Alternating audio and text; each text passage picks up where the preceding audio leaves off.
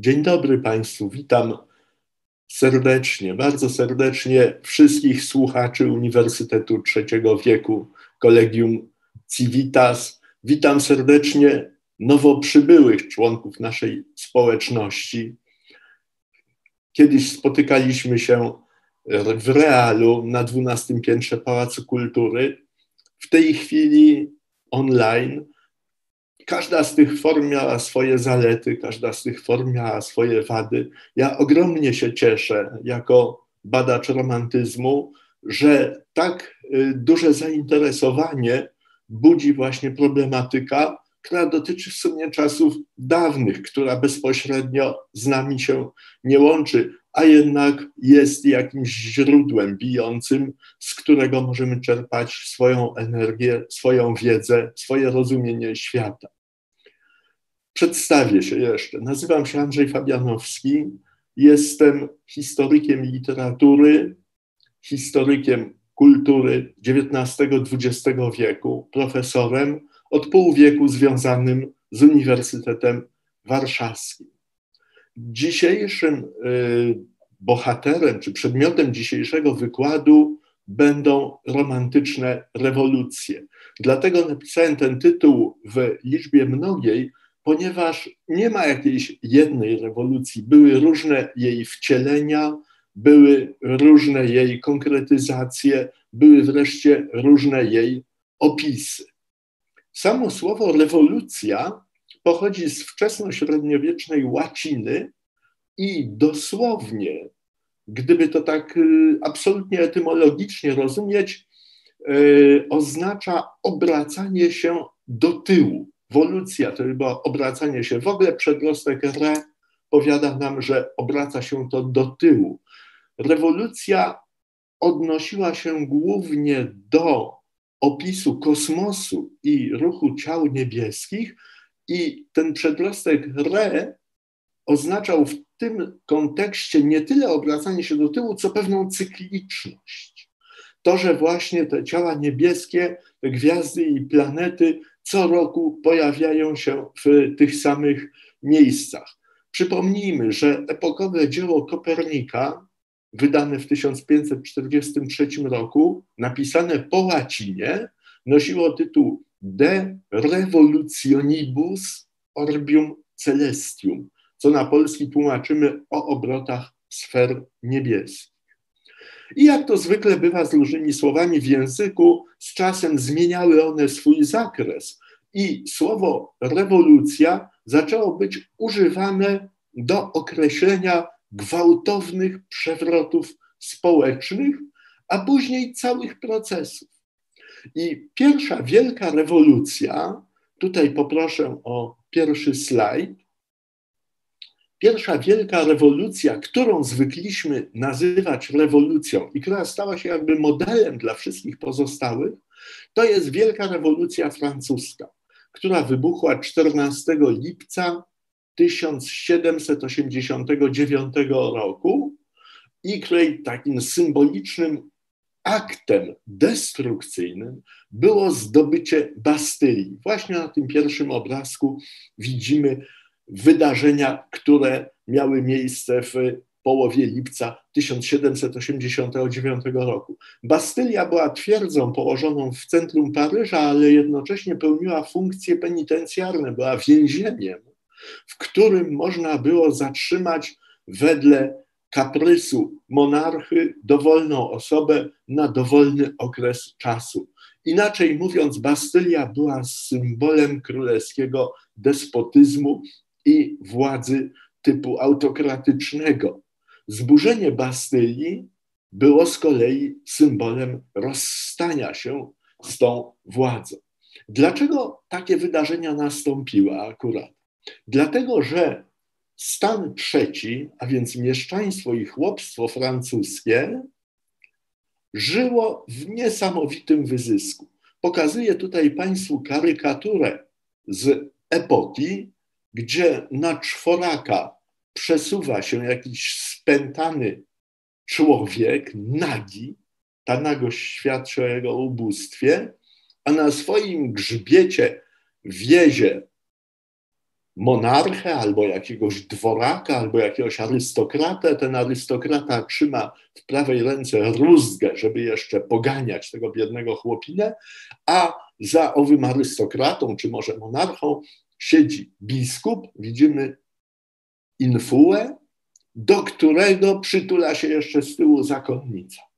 I na tym biednym chłopku, zwykle tak to się interpretowało, jadą właśnie przedstawiciele tych dwóch stanów duchownego i rycerskiego, które wysysały jego pot, wysysały, żywiły się jego krwią. To niezadowolenie i ten niesamowity, rosnący wciąż wyzysk był detonatorem rewolucji. Ale co jest jeszcze ciekawe, rewolucja nie wybucha nigdy w apogeum ucisku, tylko wtedy, kiedy śruba zostaje trochę odkręcona, kiedy ten ucisk nieco zelżał. I ostatni król Francji przedrewolucyjnej, Ludwik XVI, właśnie zdecydował się na wprowadzenie jakichś niebywale ograniczonych reform, żeby móc sprawniej prowadzić politykę fiskalną i ściągać podatki, i to poluzowanie właśnie wywołało rewolucję. Rewolucja skierowała swoje ostrze nie tylko przeciwko władzy królewskiej i władzy stanu rycerskiego, ale także przeciwko Kościołowi.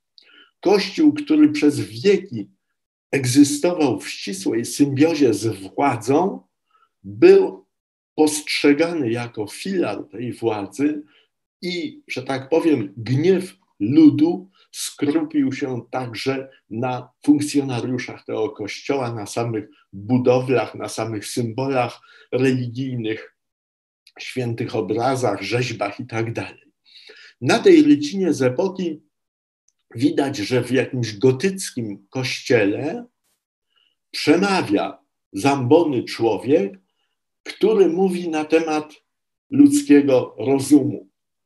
To była jedna z ofert e, rewolucyjnej ideologii, mianowicie kult rozumu ludzkiego, który miał zastąpić religię chrześcijańską. Jeszcze innym, inną propozycją kultową był kult istoty najwyższej. To widzimy właśnie na tej ilustracji. Na tronie siedzi jakiś człowiek ubrany w takie y, szaty niezwykle właśnie uroczyste i jest on alegorią istoty najwyższej. Istoty najwyższej nie utożsamiano z Bogiem, utożsamiano z jakimś porządkiem po prostu świata. Rewolucja, jak wiadomo, coraz to się rozpędzała. Yy, narastała eskalacja żądań, żądań politycznych przede wszystkim. Król Ludwik XVI starał się jakoś w tym wszystkim odnaleźć, ale w 1793 roku, kiedy podjął próbę ucieczki do Belgii, gdzie stacjonowały wojska royalistyczne, wierne staremu porządkowi, kiedy został schwytany, uznano go za zdrajcę narodu i sprawy rewolucyjnej i skazano na śmierć. Ta bardzo znana rycina ukazuje postać króla, widzimy go tutaj w centrum obrazu w takiej białej szacie, w którym za chwilę król zginie, ścięta będzie jego głowa na gilotynie. Y, Kat odczytywał akt skazania nie króla, tylko obywatela Kapety. Wiadomo, że to była dynastia Kapetyngów, więc obywatel KP. I dawna historia, przebrzmiała historia, jakby nieważne, ale wiecie Państwo, jeszcze nie tak dawno, w XXI wieku, w kościele słyszałem kazanie jednego bardzo mądrego księdza, który doktorat pisał we Francji i perfekt zna relacje różne francuskie. I ten ksiądz w pewnym momencie się tak rozpędził w jakichś dygresjach i mówił, że społeczeństwo francuskie jest ze znanych mu społeczeństw europejskich najbardziej zatomizowane, że to jest społeczeństwo najbardziej obcych sobie wzajemnie ludzi, że to jest społeczeństwo najbardziej zagubionych ludzi. I co jest tego przyczyną? I dalej ten ksiądz mnie to zdziwiło niesłychanie. Powiedział, że to dlatego, że 200 lat temu zabili ojca narodu, czyli króla. Pokazuje to jakby podwójne ostrze rewolucji. Rewolucja coś zaczyna, ale też coś kończy. Rewolucja dla jej zwolenników oczywiście powinna być czymś nieskończenie dobrym, ale często okazuje się też czymś bardzo złym. Rewolucja po zlikwidowaniu króla, po pozbyciu się jakby tego symbolu dawnego porządku, dawnego reżimu, zaczęła pożerać samą siebie. Już właśnie w opisach Wielkiej Rewolucji Francuskiej po raz pierwszy y, pojawiły się takie efektowne porównania rewolucji do mitologicznego greckiego boga Saturna, który nie chcąc oddać swojej władzy, pożerał własne dzieci.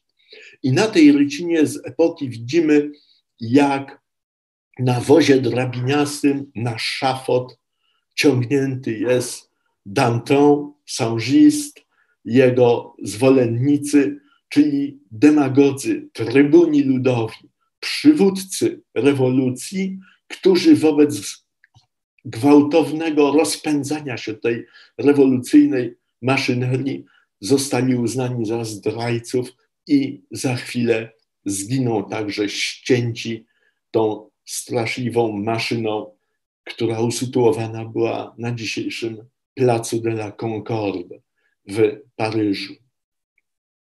Rewolucja to nie tylko krew i to nie tylko walka, i to nie tylko gwałtowny przewrót polityczny.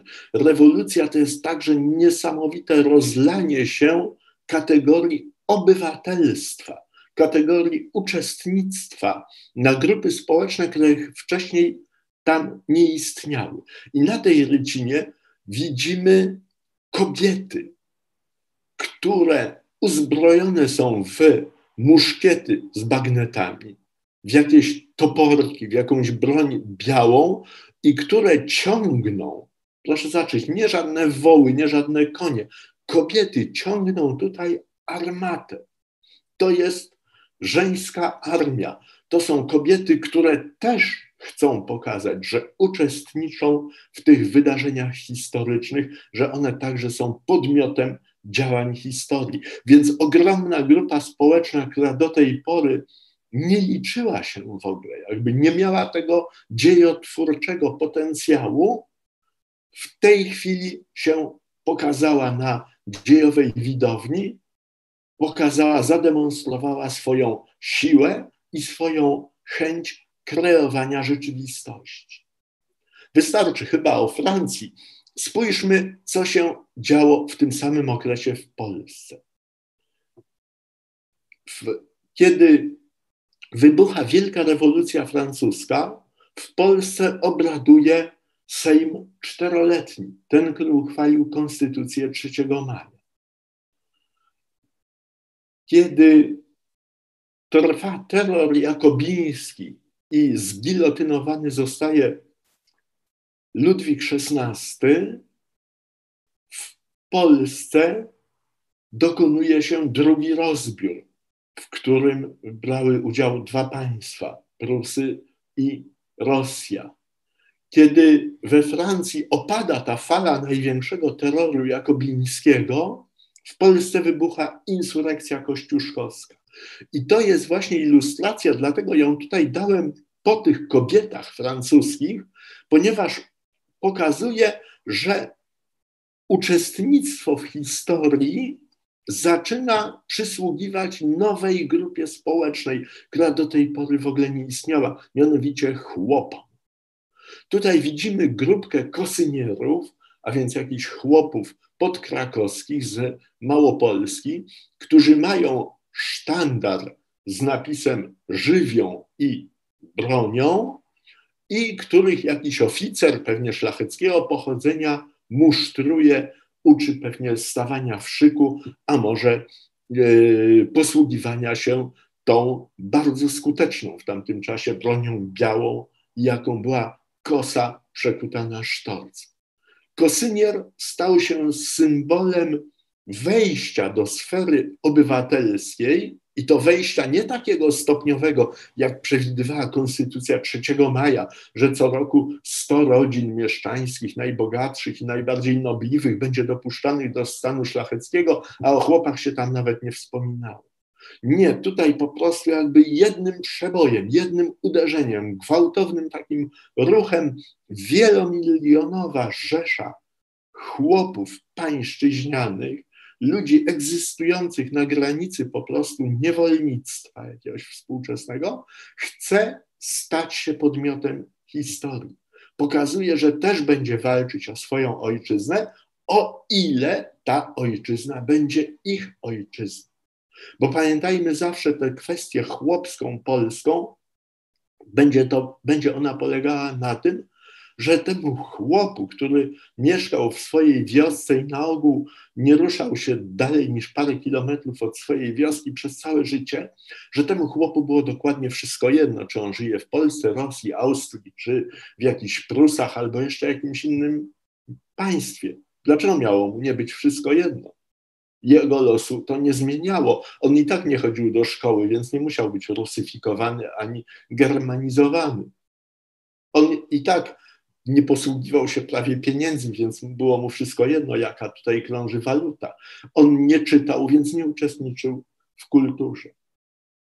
Żeby chłop polski naprawdę mógł być tym kosynierem, żeby naprawdę chciał walczyć o tę Polskę, trzeba było mu nadać prawa obywatelskie i przekonać, że walka o Polskę jest walką o poprawę jego bytu. I teraz już gwałtowna, rewolucyjna, bym powiedział, zmiana tematu. Fragment ballady Romantyczność Adama Mickiewicza. W balladzie tej ukazana jest taka scenka rozgrywająca się właśnie nie w nocy, jak to zwykle kojarzymy duchy upiory, to jest nocna pora, tylko właśnie w biały dzień, w miasteczku. Oto oszalała po stracie ukochanego dziewczyna, ma jakieś omamy, przeżywa jakieś wizje, w której jej się wydaje, że ona się znajduje nie na zewnątrz, nie na rynku, tylko że znajduje się w środku domu, że to nie jest dzień biały, ale środek nocy, że zmarły ukochany jest właśnie blisko niej, przytulają do siebie i pieści. Wreszcie ta dziewczyna, ca, ca, cała, cała ta scena, jej upadek, yy, ból zadany tym upadkiem, powoduje, że ludzie się skupiają i zaczynają się modlić, sądząc, że faktycznie duch ukochanego tej dziewczyny, tej Karusi, znajduje się w pobliżu. Mówcie pacierze, krzyczy prostota, tu jego dusza być musi. Jasio być musi przy swej Karusi, on ją kochał za żywota. I włącza się podmiot liryczny. Ja to słyszę, ja tak wierzę. Płaczę i mówię pacierze. To ja jest oddzielne od tłumu. To ja nie jest takim zwykłym plebejuszem. To jest człowiek wykształcony. To jest absolwent Uniwersytetu Wileńskiego, który jednak identyfikuje się ontologicznie i epistemologicznie z tą gromadą. I przeciwko gromadzie samotnie występuje starzec, racjonalista, koryfeusz oświecenia, który woła: Słuchaj, dzieweczko, krzyknie śród zgiełku starzec i na lud zawoła: Ufajcie memu oku i szkiełku, nic tu nie widzę dokoła. Następuje spięcie w tym momencie między tym empirykiem, między starcem, a poetą identyfikującym się z ludem. I skutkiem tego spięcia jest, że tak powiem, rewolucyjny atak poety na starca. Dziewczyna czuje, odpowiadam skromnie, Agawie wierzy głęboko. Czucie i wiara silniej mówi do mnie niż mędrca szkiełko i oko. Proszę Państwa, co to ma wszystko wspólnego z tematem romantycznych rewolucji? Otóż ballady i romanse Mickiewicza. W przyszłym roku będziemy obchodzić dwusetlecie wydania ballad i romansów, debiutu książkowego Mickiewicza, który uważany jest za początek polskiego romantyzmu. Więc co to ma wspólnego z romantycznymi, rewolucjami? Ano to, że była to rewolucja literacka, że do tej pory obowiązywała poetów poetyka, czyli sposób pisania tekstów klasycystyczna, czyli skrępowana pewnymi zewnętrznymi regułami i autor, tworząc poemat czy utwór jakiś y, poetycki, jakąś odę, prawda, czy, czy elegię, starał się w tym procesie twórczym jak najbardziej zbliżyć do ideału, który wpisany był w pewne podręczniki czy zasady tworzenia, w tak zwane poetyki, poetyka Arystotelesa, czy sztukę rymotwórczą Nicola Boileau, spolszczoną przez Franciszka Ksawerego Dmochowskiego. Natomiast poeta romantyczny odrzucał te klasycystyczne zasady. I to właśnie była rewolucja. To nie znaczy, że on stawał się jakimś dadaistą. On odrzucał te zasady po to, żeby każdorazowo do własnego dzieła stworzyć indywidualne i tylko sobie właściwe, unikalne zasady, reguły istnienia tego dzieła. Y, wejście, ten przełom klasycystyczno-romantyczny w literaturze polskiej w literaturze europejskiej miał także charakter rewolucyjny. To była rewolucja, która odrzucała dawne wzory związane z dawnym porządkiem społecznym też przy okazji i przeciwstawiała im nowe wzory, które nobilitowały w zakresie estetycznym gromadę wiejską, folklor, lud, pamięć mitologiczną, wszystkie wartości, świat wartości moralnych, który związany był właśnie z ludem.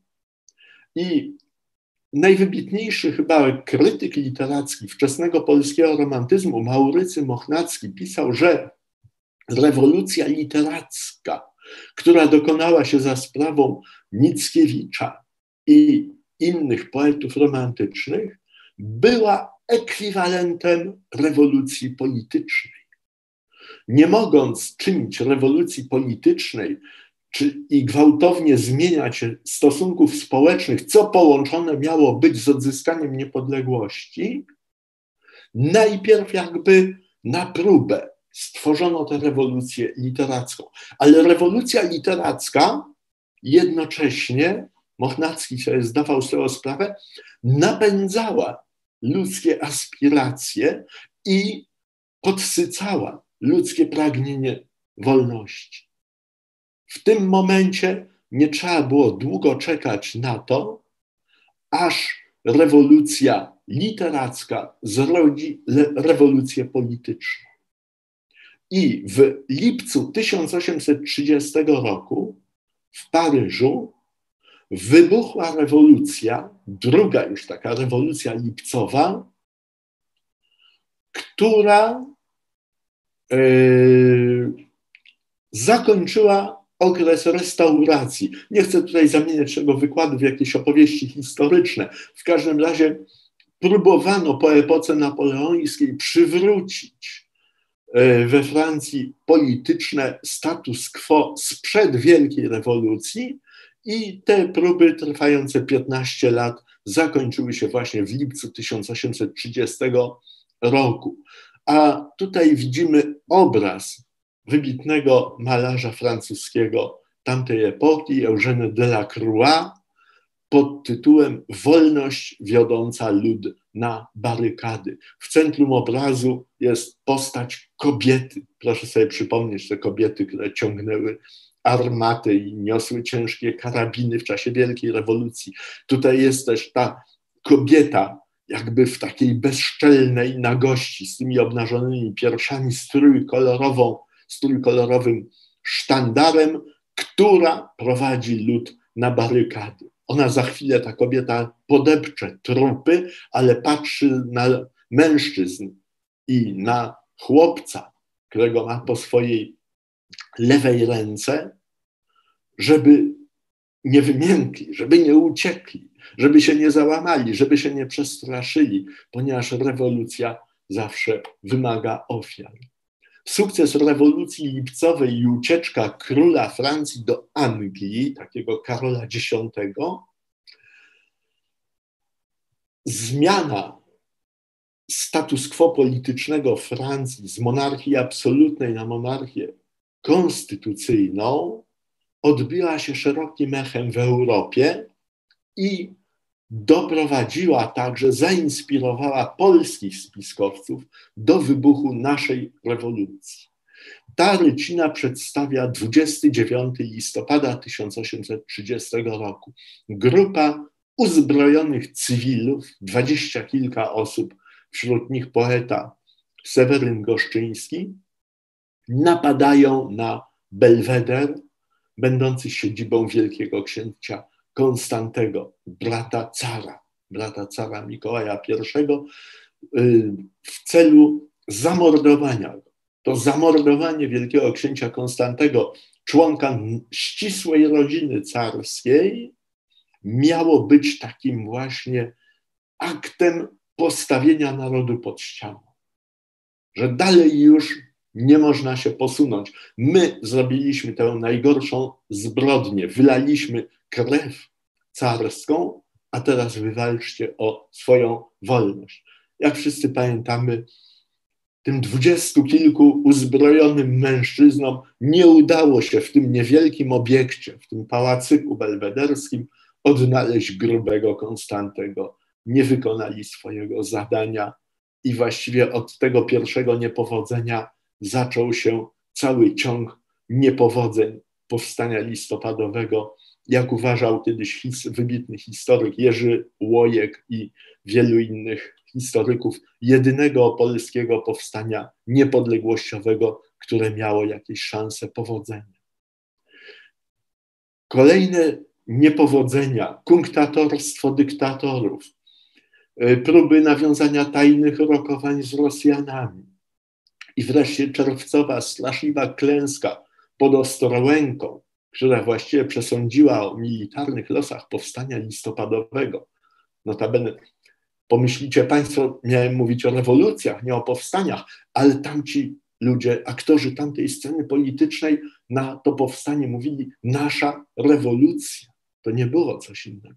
Więc po tylu właśnie klęskach powstanie listopadowe, czyli ta rewolucja, zaczęła się radykalizować i doprowadziło to do wydarzeń 15 sierpnia 1831 roku. Tutaj na tej rycinie widzimy plac Krasińskich w Warszawie. On teraz tak nie wygląda, bo w tle widzimy budynek Teatru Narodowego pochodzący z czasów Stanisława Augusta Poniatowskiego. Tego budynku w ogóle nie ma, śladu nie ma po tym budynku, w którym wystawiane były sztuki Bogusławskiego, w którym koncertował Fryderyk Chopin. Zburzono go jeszcze w XIX wieku, a na pierwszym planie widzimy szubienicę.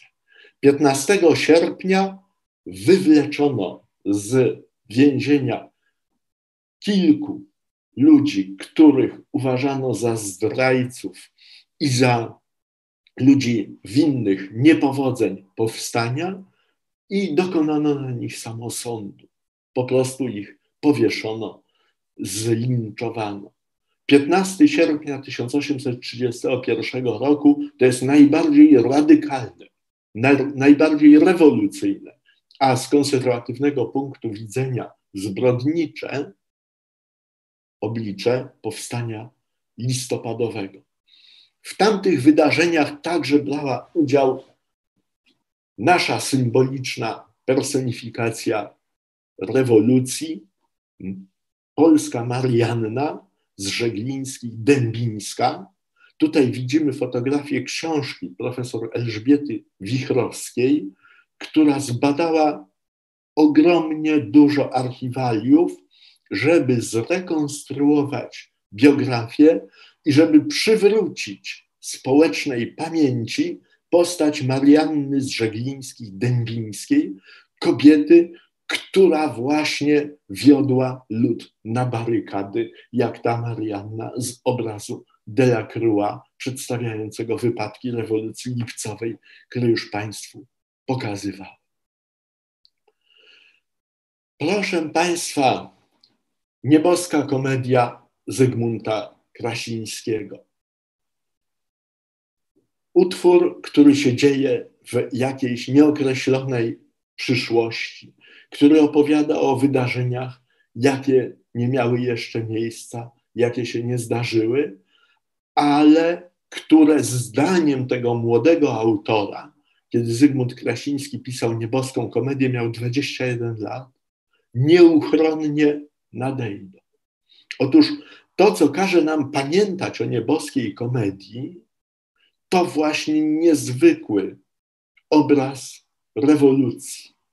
To jest ciekawe, proszę Państwa, że romantyzm, który tak dużo mówił na temat ludu i ten, to słowo lud i chłopi i gmin odmieniał przez wszystkie możliwe przypadki i ustawiał we wszystkich możliwych kontekstach, że ani Słowacki, ani Mickiewicz nie pozwolił się temu ludowi wypowiedzieć. Zawsze lud był takim niemową oddającym głos poecie, jak w balladzie Romantyczność. Dziewczyna czuje, odpowiadam skromnie, a gawiedź wierzy głęboko. To poeta mówi ustami ludu. Natomiast prawdziwy lud prawdziwie wypowiada się i mówi własnym głosem tylko w nieboskiej komedii. Kiedy krzyczy to swoje hurra, hurra, kiedy się cieszy z dokonanych morderstw, kiedy się cieszy z tego, że burzone są pałace i kościoły. To właśnie Krasiński pokazał prawdziwy, zrewolucjonizowany lud. I nie wchodząc tutaj już w fabularne meandry tego dramatu, chciałem powiedzieć o jednej scenie, jaka rozgrywa się w trzeciej części nieboskiej komedii. Otóż przywódca obozu antyrewolucyjnego hrabia Henryk, występujący tu jako mąż, udaje się w towarzystwie przechrzty, czyli wychrzczonego Żyda, ale tak nieszczerze wychrzczonego, koniunkturalnie wychrzczonego. Więc mąż udaje się nocą do obozu rewolucjonistów i widzi tam różne kluby wojskowe, widzi tam kobiety, widzi tam tańczących wokół ognisk rewolucjonistów i w pewnym momencie spotyka pewną bardzo ważną postać. Pozwolę sobie tutaj fragment przeczytać. Mąż. Któż jest ten dziwny żołnierz, oparty na szabli obosiecznej z główką trupią na czapce, z drugą na felcechu, z trzecią na piersiach? Czy to niesławny Bianchetti, taki dziś kondotier ludów, jako dawniej bywali kondotierzy książąt i królów? Wszechśla odpada. On sam, jaśnie wielmożny panie, dopiero od tygodnia do nas przybyły. Podchodzą do niego i mąż pyta, nad czym tak zamyślił się genera Bianchetti? Widzicie, obywatele, ową lukę między jaworami? Patrzcie dobrze. Dojrzycie tam na górze zamek. Doskonale widzę przez moją lunetę mury okopy i cztery bastiony. Mąż, trudno go opanować, Bianchetti. Tysiąc tysięcy królów można obejść jarem, podkopać się i, przechrzta mrugając, obywatelu generale. Mąż po cichu, czujesz ten kurek odwiedziony pod moim płaszczem.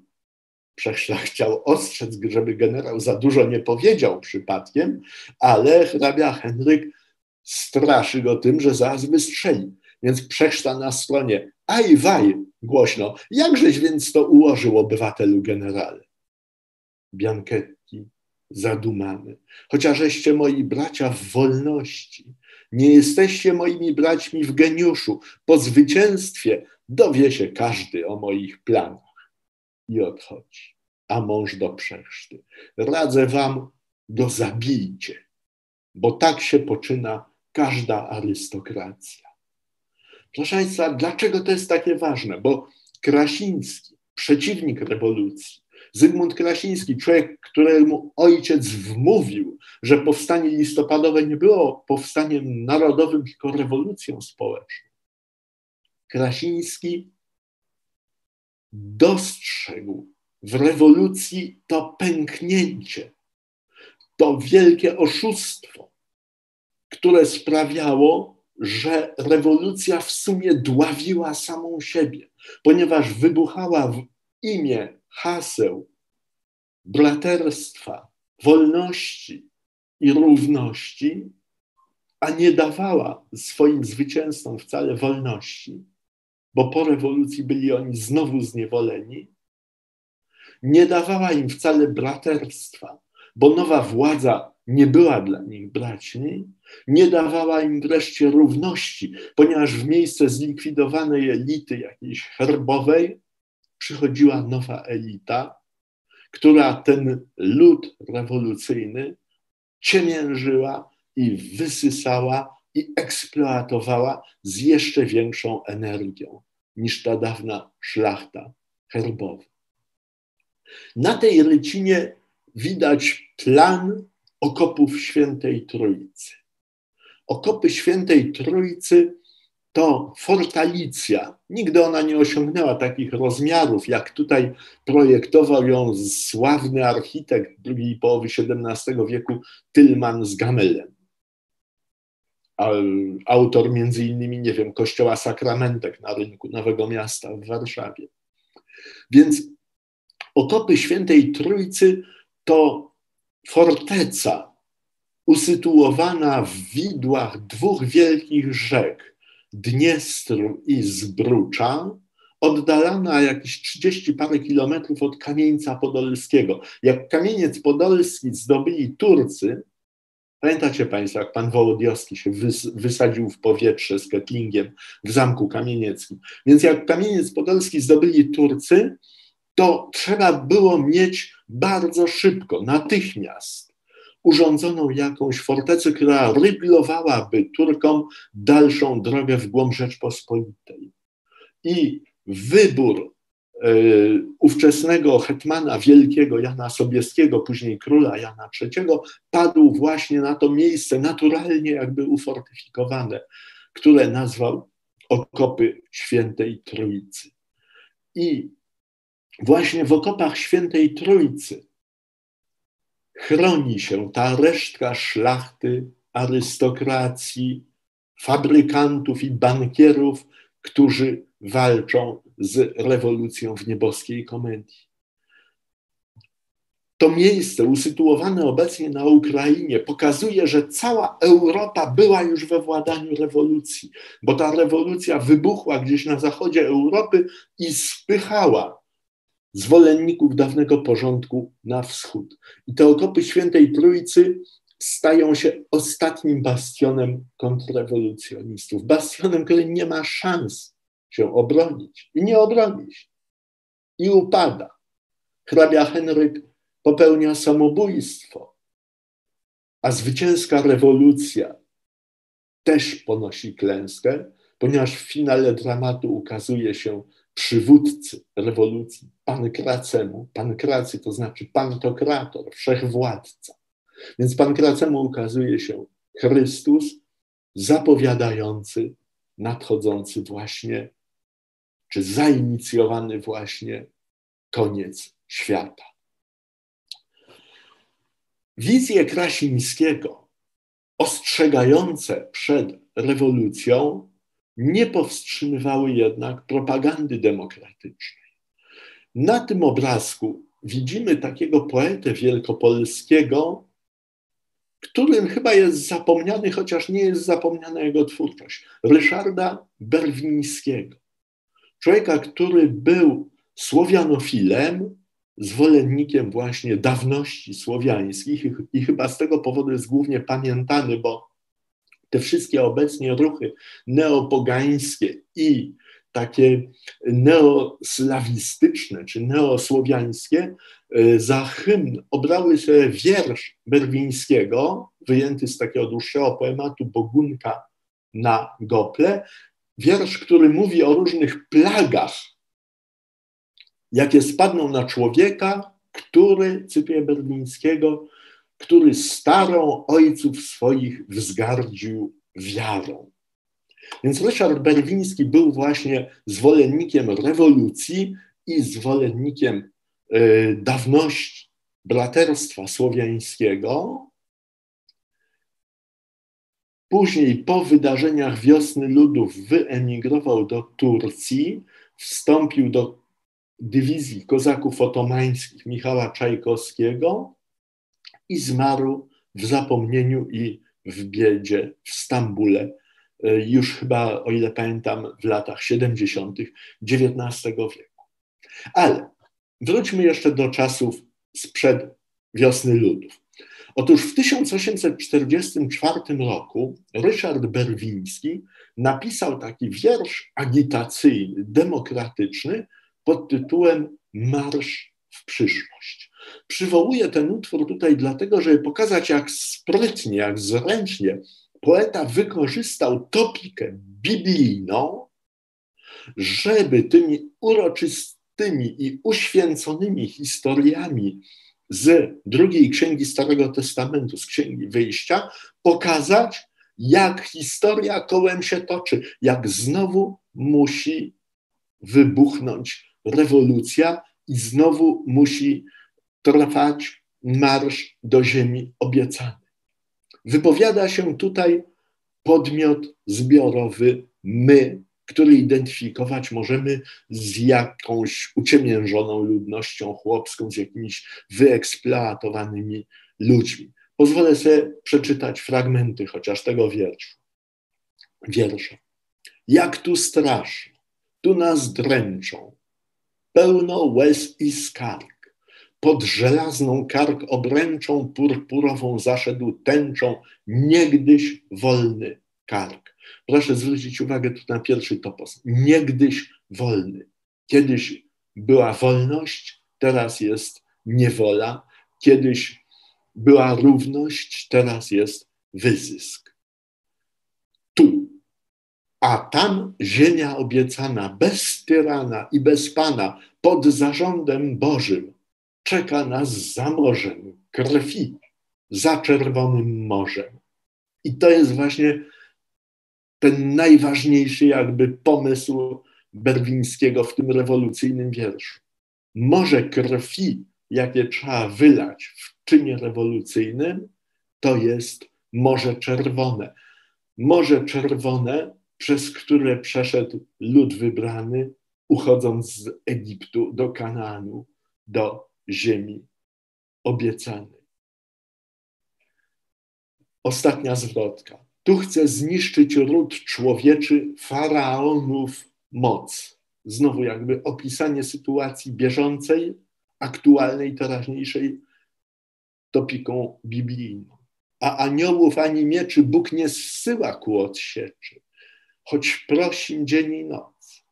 Więc gdy stary Bóg nie słucha, pomódlmy się do obucha.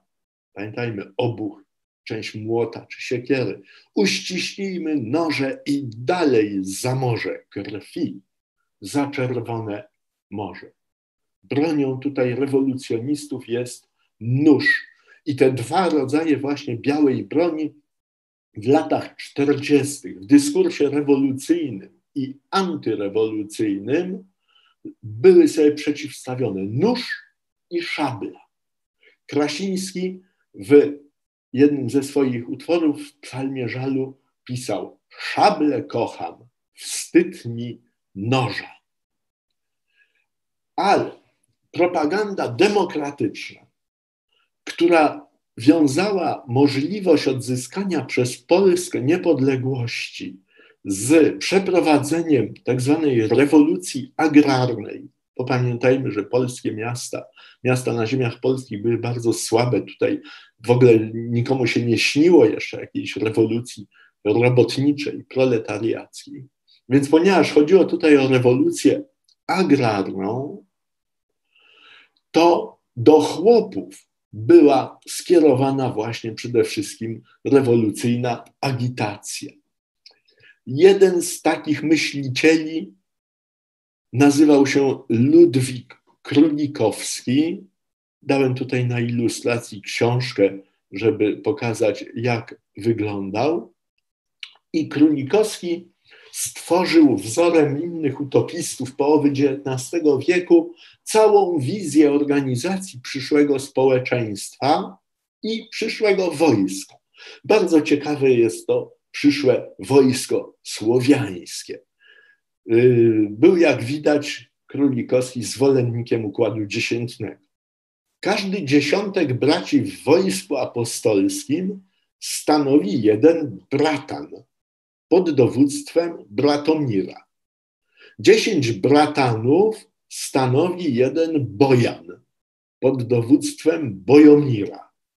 Dziesięć bojanów składa jeden grom pod dowództwem Gromira. Dziesięć gromów składa jeden przebój pod dowództwem Przemira. Dziesięć przebojów, jeden strasznobój pod dowództwem Strasznomira. Dziesięć strasznobojów, jeden świętobój pod dowództwem Świętomira. Tak sobie wyobrażał Królikowski przyszłą, niezwyciężoną armię słowiańską. A dla Państwa wszystkich zagadka, jak liczną armią był świętobój pod dowództwem Świętomira. Kolejną taką postacią, która przygotowywała rewolucję, był ziemianin z Lubelszczyzny z tytułem hrabiowskim Henryk Kamieński. Otóż Henryk Kamieński w latach 40.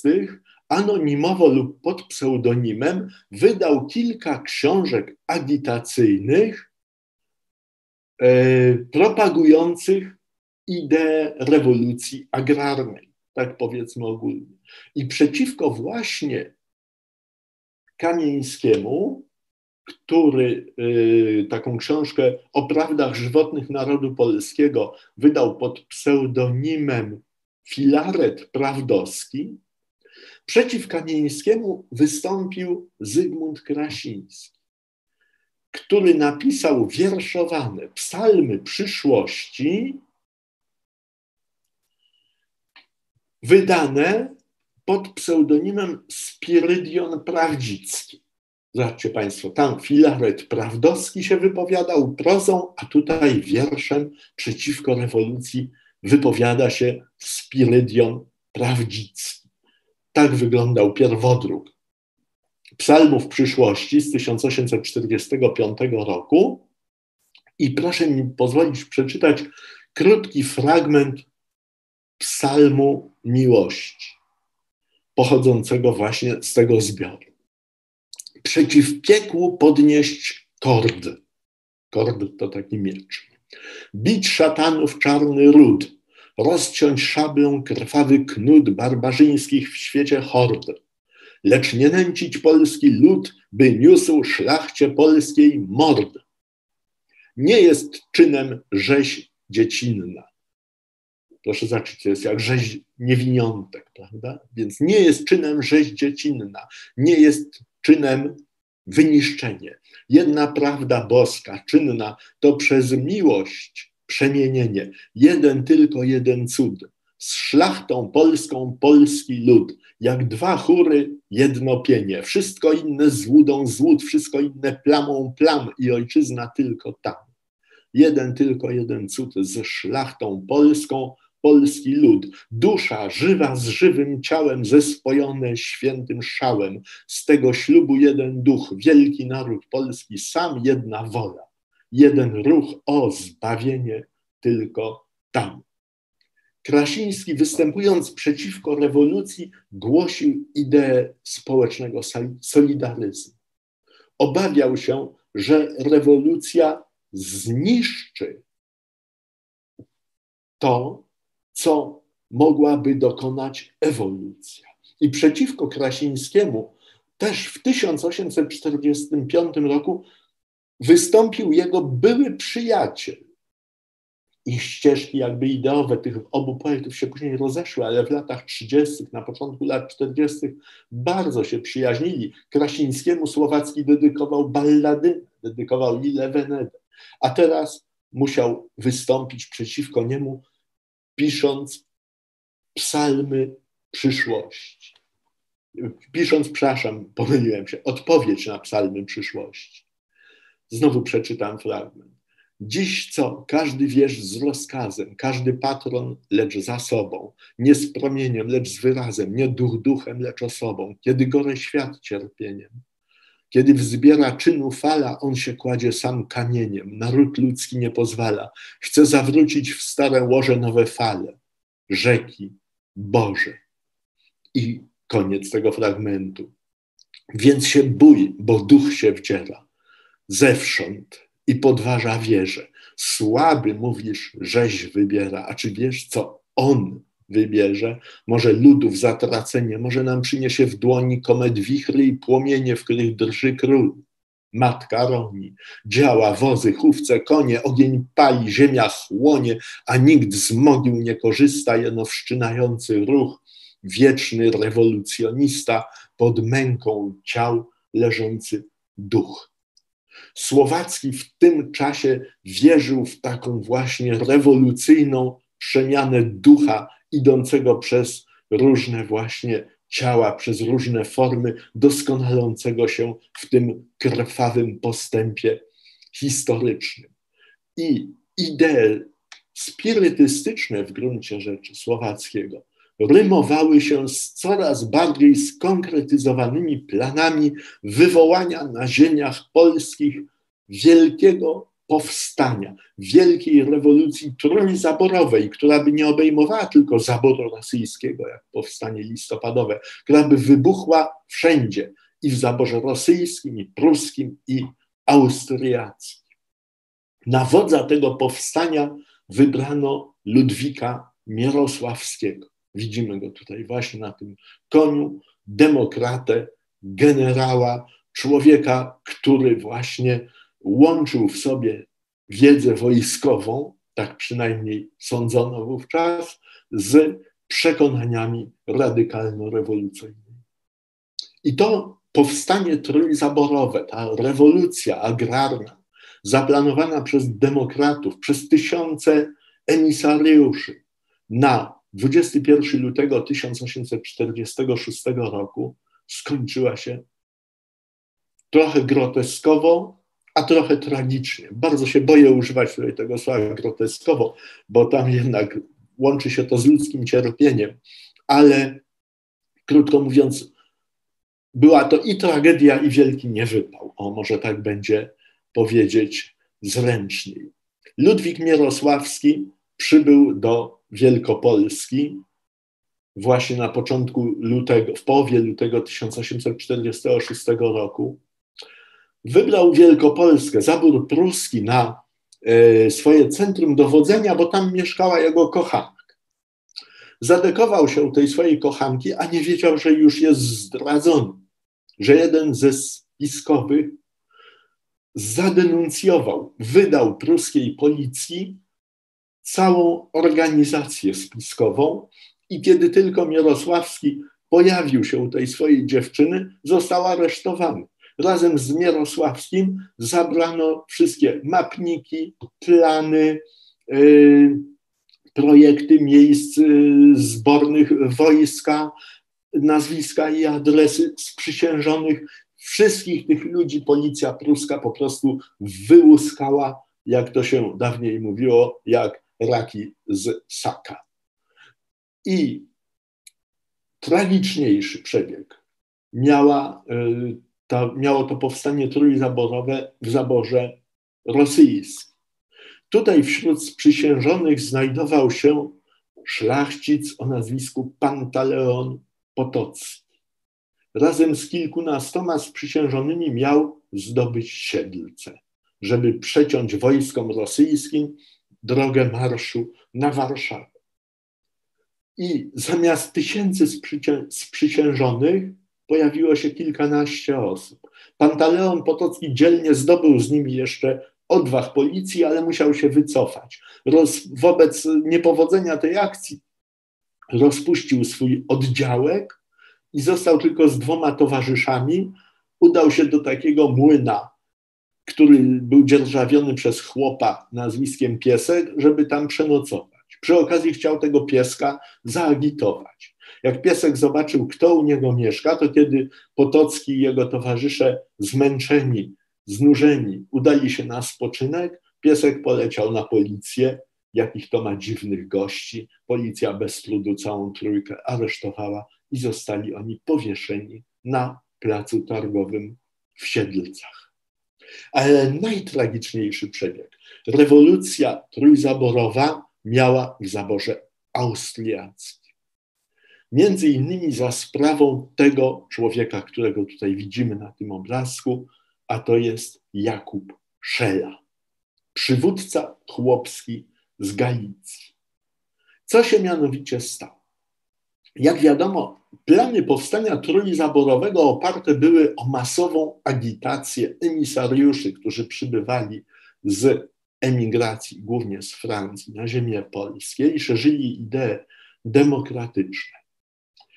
Taki masowy ruch nie mógł ujść uwadze policji władz zaborczych.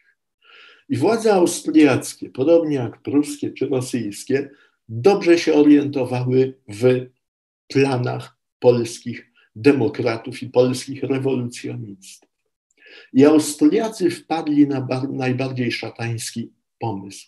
Otóż jeszcze jesienią 1945 roku rozpuścili takie wieści między, przez sołtysów między chłopami pańszczyźnianymi Galicji, że, uwaga, szlachta na wiosnę, obawiając się chłopskiego buntu, zamierza chłopów kastrować.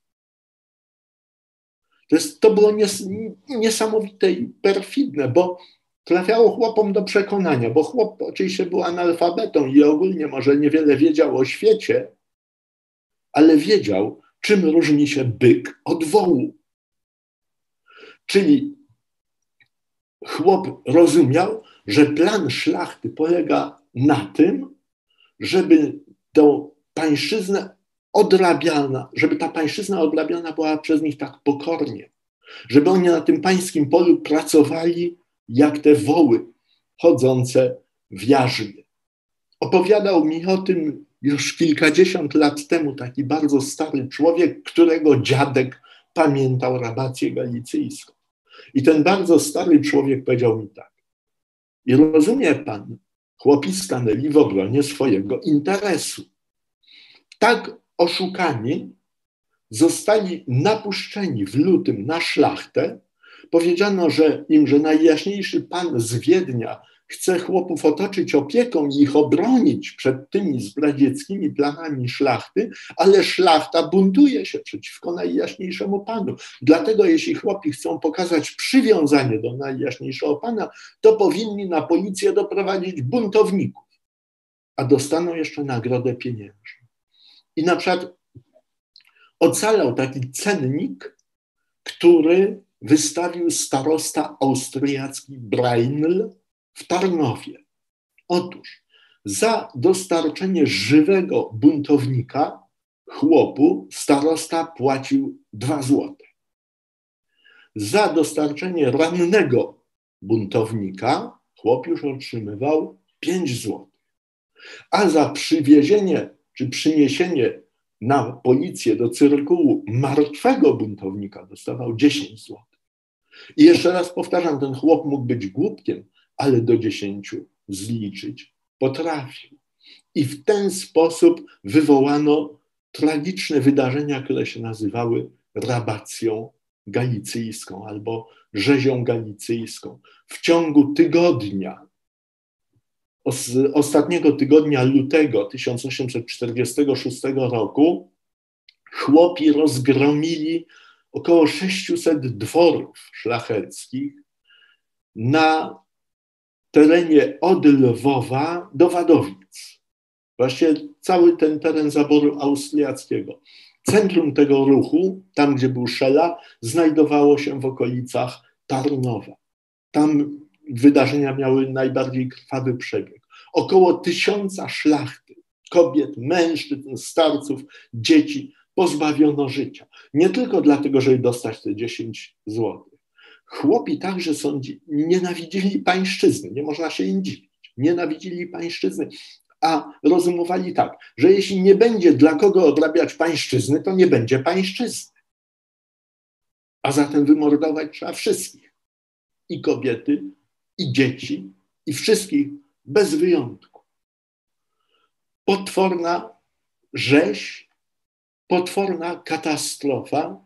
O, tutaj pokazana jest na leśninie fragment z tej rzezi, jak chłopi przynoszą austriackim urzędnikom nadziane na piki głowy szlachciców, bo chłop się szybko zorientował, że na przykład głowa szlachcica to jest martwy szlachcic, ale tułów bez głowy to też jest martwy szlachcic, więc za jednego można wziąć 20 złotych. Były nawet wypadki ćwiartowania zwłok.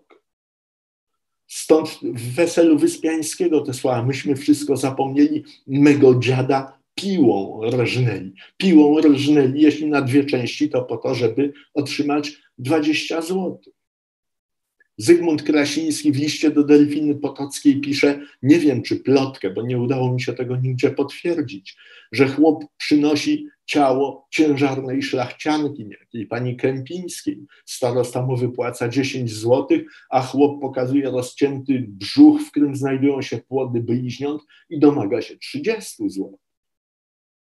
Taki przebieg miała rabacja galicyjska.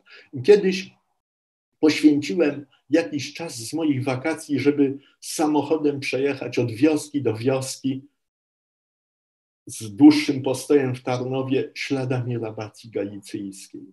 To było już kilkanaście lat temu. I ze zdumieniem zobaczyłem, że ona nie jest w ogóle zapamiętana, że nie ma żadnych tablic, że nie ma żadnych pomników. W Tarnowie znalazłem tylko na cmentarzu taką wrośniętą głęboko w ziemię płytę, płaską. Bardzo długo to, tego szukałem, bo nie była żadnego pomnika. Tylko ta płyta, na której wypisa, wy, wyrzeźbionych było, wyciętych było kilkadziesiąt nazwisk ludzi zamordowanych podczas rabacji galicyjskiej. To po prostu jakiś wielki wstyd polskiej demokracji, jakiś wielki wstyd tych wszystkich myślicieli, którzy łączyli sprawę niepodległości Polski z rewolucją agrarną.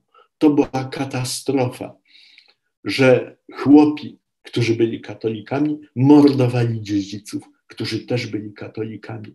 Ani język, ani religia, ani kultura, która była wspólna o ile można mówić o kulturze dla chłopów, których do tej kultury nie dopuszczono przecież. Więc nic nie powstrzymało tutaj tych ludzi, którzy stali się mordercami. Jeden z poetów galicyjskich, Kornel Ujejski, napisał wtedy taki wiersz, najbardziej znany swój zresztą utwór pod tytułem Chorał, zaczynający się od słów z dymem pożarów, skórzem krwi bratniej, właśnie krwi bratniej. Do Ciebie, Panie, woła nasz głos. A w drugiej zwrotce tego chorału pisał, że syn zabił ojca, brat zabił brata, mnóstwo Kainów jest pośród nas. Ale o Panie, oni niewinni, choć przyszłość naszą cofnęli wstecz. Inni szatani byli tam czynni. O rękę karaj. nie ślepy miecz. Już wtedy po prostu dobrze wiedziano, że cała ta tragedia inspirowana była przez zaborców, a rewolucjoniści niestety okazali się ludźmi naiwnymi, którym się wydawało, że patriotyczna agitacja zniweluje wielowiekową nienawiść pomiędzy tym ludem, który był wyzyskiwany, a tymi wyzyskiwaczami. Na slajdzie pokazuję rzeźbę z jednego z grobów w Tarnowie. Po prostu taką rzeźbę niezwiązaną bezpośrednio z radacją, ale rozpacz tej wyrzeźbionej kobiety wydaje mi się, że dobrze oddaje to, co wydarzyło się w tych lutowych dniach 1846 roku. I proszę Państwa, ostatni rozdział romantycznych rewolucji. Widzimy tutaj Warszawę, widzimy Kościół Świętego Krzyża przy krakowskim przedmieściu, z którego wylewa się tłum. Na czele tego tłumu idą duchowni. Ten pochód z krakowskiego przedmieścia szedł na cmentarz powązkowski, gdzie pochowano pięciu poległych. Pięciu poległych od salwy, jaka padła też w lutym, ale 1861 roku na krakowskim przedmieściu podczas takiej religijno-patriotycznej manifestacji, gdy śpiewano pieśń, która stała się jakby hymnem powstania styczniowego, czyli Boże coś Polskę. I ofiara pięciu poległych nie ostudziła jakby patriotycznych zapałów Polaków. Na tej yy, grafice, na tym obrazie widzimy manifestację z 8 kwietnia 1861 roku, która się skończyła masakrą. Setki ludzi zginęły wtedy od salw rosyjskich, trupy ściągano i grzebano gdzieś potajemnie w jakichś przypadkowych miejscach albo po prostu wrzucano do Wisły. To właśnie w czasie tej manifestacji wśród, y, na czele pochodu szedł taki gimnazjalista, który trzymał krzyż, a obok niego szedł gimnazjalista żydowski, Michał Landy. I ten Polak został trafiony kulą, ale krzyż nie upadł, ponieważ złapał go ten jego sąsiad, ten Michał Landy. I ten Żyd, a więc starozakonny, niósł dalej krzyż jako symbol patriotyczny, jako symbol wolnościowy, jako symbol oznaczający niepodległą Polskę. Za chwilę też padł od salwy Michał Landy, pochowany został na cmentarzu żydowskim przy ulicy Okopowej. To wydarzenie zainspirowało Norwida do napisania wiersza Żydowie Polscy. Manifestacje patriotyczne z 1860-61 roku, przygotowujące jakby grunt do wybuchu największego naszego powstania niepodległościowego, powstania styczniowego, były czymś, co bym nazwał rewolucją moralną. Te manifestacje polityczne pokazały, jak wielką siłę właśnie moralną ma naród polski, który może wystąpić w zgodzie, bo w tych manifestacjach brali udział i bogaci mieszczanie, i plebs miejski, i trafiali się chłopi, i trafiali się przyjezdni ziemianie, ale też uczestniczyli w nich Żydzi. Pamiętajmy, że ponad 30% ludności Warszawy wtedy to była ludność żydowska, że ten gimnazjalista Michał Landy nie zaplątał się tam przypadkiem. To był okres zbratania wszystkich stanów, wszystkich grup etnicznych, wszystkich grup religijnych, które żyły w zaborze rosyjskim. To był okres, kiedy naród polski, zawsze na wykładach, kiedy o tym mówię, to podkreślam, pokazał swoje piękne oblicze tak rzadko niestety możemy je oglądać.